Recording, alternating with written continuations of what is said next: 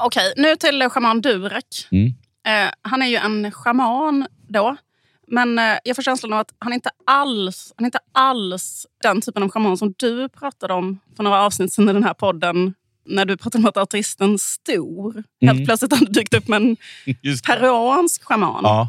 Det här är liksom inte alls den Nej. schamanen. Du, du, du, du berättade att uh, rapparen Stor hade en, hittat en schaman från Peru som Ja. inte visste vem Elvis Presley var. Det stämmer. Mm. Eh, det här är absolut inte en sån schaman. Nej. Den här schamanen vet verkligen vem Elvis Presley är. Han har antagligen varit på. Graceland. Absolut. Han är liksom en före detta manlig modell Mm.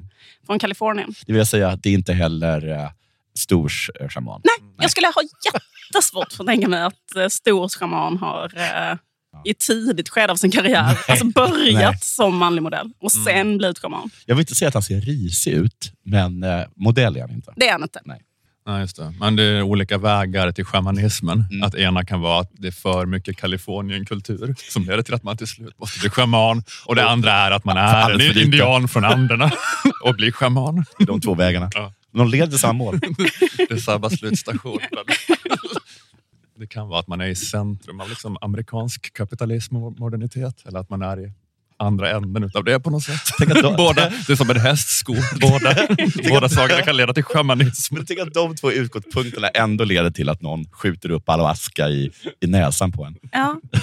Det slutar med att man börjar rådgiva någon västerländsk kändis.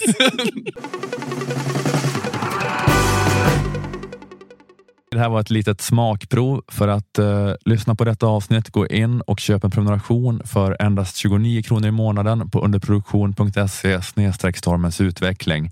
På underproduktion finns också info om hur du gör för att lägga in prenumerationsfeeden av Stormens utveckling i din poddapp, eh, vilket är att eh, föredra för smidigt lyssnande. Och när du har gjort det så behöver du då inte den här gratisfeeden som du är i nu, eh, eftersom att även gratisavsnitten dyker upp i prenumerantfeeden.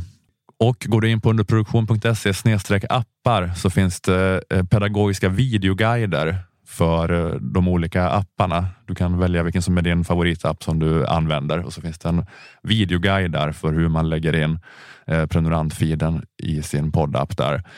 Och får man ändå inte rätt på det så kan man alltid mejla till support underproduktion.se för snabbt svar.